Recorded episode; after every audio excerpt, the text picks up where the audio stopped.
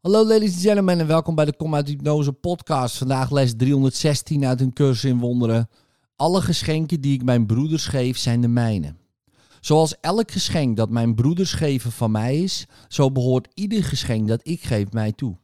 Elk laat een vroegere vergissing verdwijnen, zonder een schaduw achter te laten op de heilige denkgeest die mijn vader lief heeft.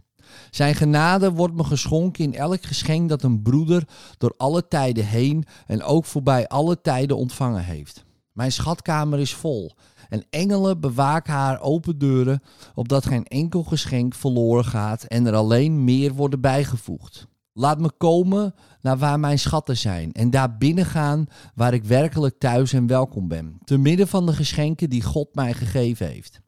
Vader, ik wil uw geschenken vandaag aannemen. Ik herken ze niet, maar ik vertrouw erop dat u, die ze gegeven hebt, het middel zult verschaffen waardoor ik ze kan aanschouwen. Hun waarde kan zien en alleen uw geschenken kan koesteren als wat ik verlang. In liefde, tot morgen.